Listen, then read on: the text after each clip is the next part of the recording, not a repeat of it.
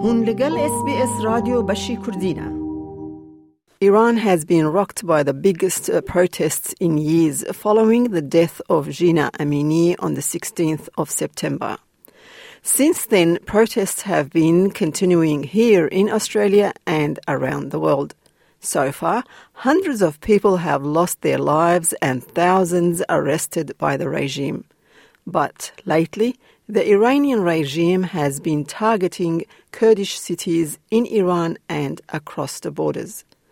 Human rights activist uh, Ms. Tara Fatahi spoke at the hearing of the Senate Standing Committee on Foreign Affairs Defense and Trade's inquiry into human rights abuses in Iran for the people of Kurdistan on the 28th of November.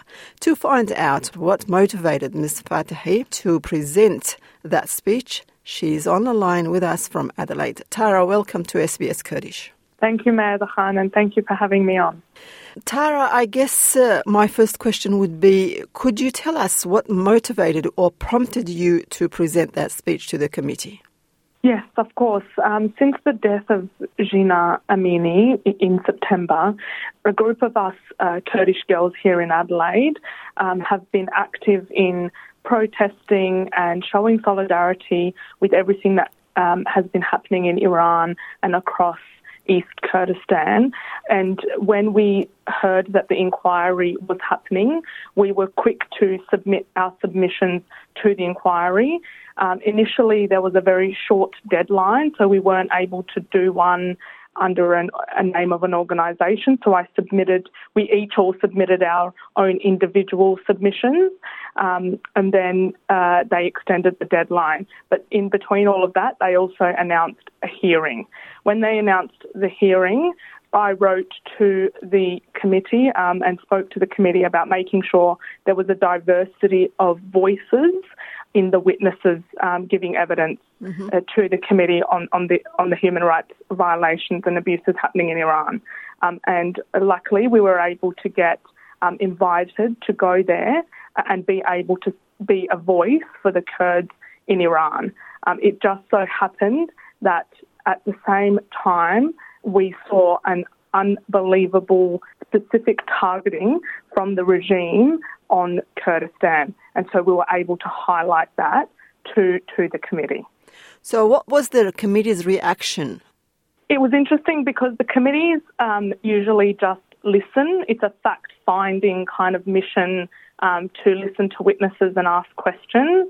But um, on that particular day, the committee room was full.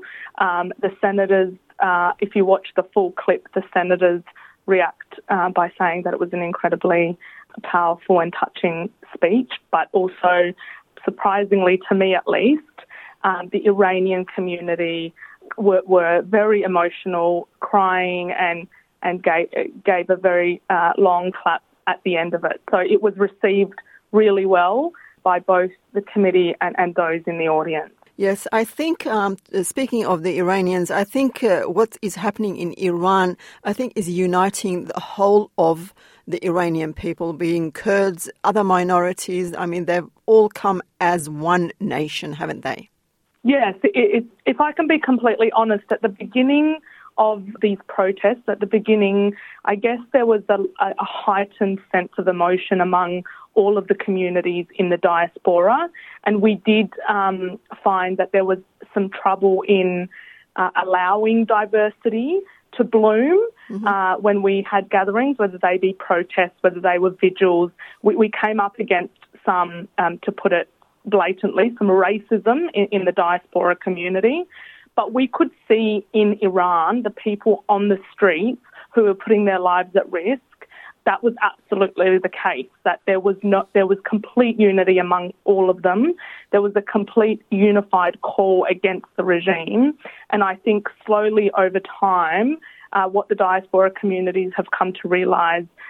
I guess there's been a, a, um, a very quick healing process for all of us to get rid of that oppression that has been around for so long um, and what people are used to. And yes, there is there is now a complete embracing of diversity, and the social media re- reaction from the Iranian community online across the world has also been, again, incredibly surprising, and they have been incredibly warm.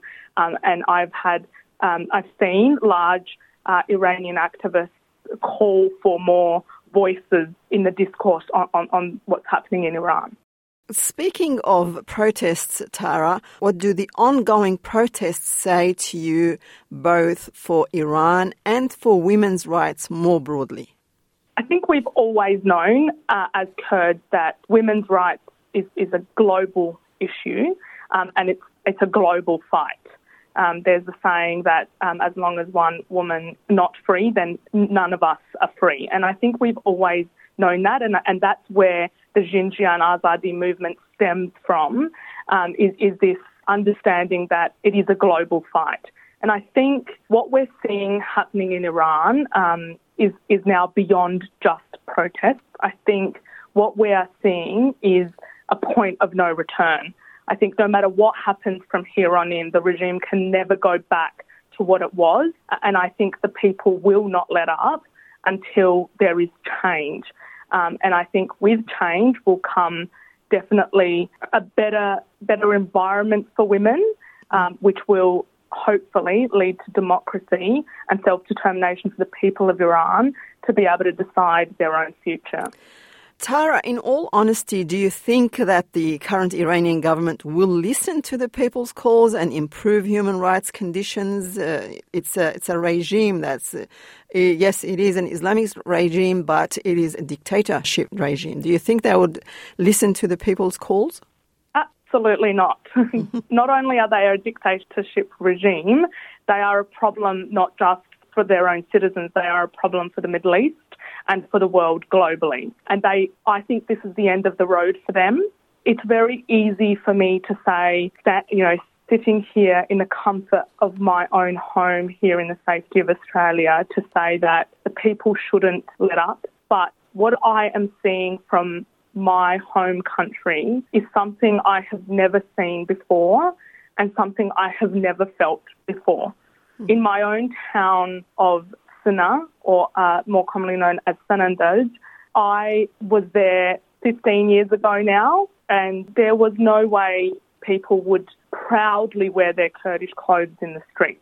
And yet, we're now seeing Sanandaj is one of the centre of these uprisings. And not only are they proudly wearing their culture, but the chance of, you know, Hata Kurdek Amene, Kurdistanek Amene, you know, while there's a Kurd, there will always be Kurdistan. Um, these chants are, show that the re- region has changed in the last 20 or so years, uh, and the people will no longer stand for this tyranny that is the Islamic Republic of Iran, and this is the end of the road for them.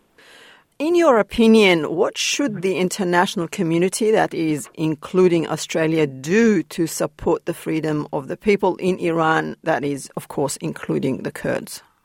Yeah, I, I think this is not an easy question to answer because I understand that a lot of diplomacy happens behind closed doors. And what I would ask of the Australian government is to use every mechanism, diplomatic mechanism available to them to continue to delegitimise the regime. Some of the calls coming from the community uh, across the country have been for stronger sanctions, more targeted sanctions, uh, whether they be financial or against individuals of the IRGC, the, the military and police arm of the Islamic Republic of Iran the community has very strongly been asking for uh, the shutdown of the Iranian embassy uh, here in Australia. My understanding is uh, Australia is one of the only Western countries that has an embassy in Iran.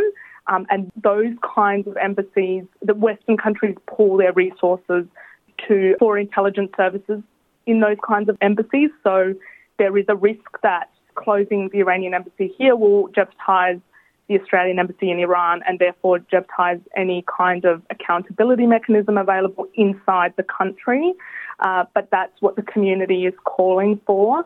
My personal ask would be uh, whatever is happening behind closed doors, for the Australian government to continue to use any you know, diplomatic mechanism available to them to, to pressure this regime to stand down and allow democracy to take place. Human rights activist Tara Fathy, thank you for joining us on SBS Kurdish from Adelaide. Thank you so much. لايك بك بارا بك تابنيا خب نفسنا اس بي اس كردي لسر فيسبوك بشوبنا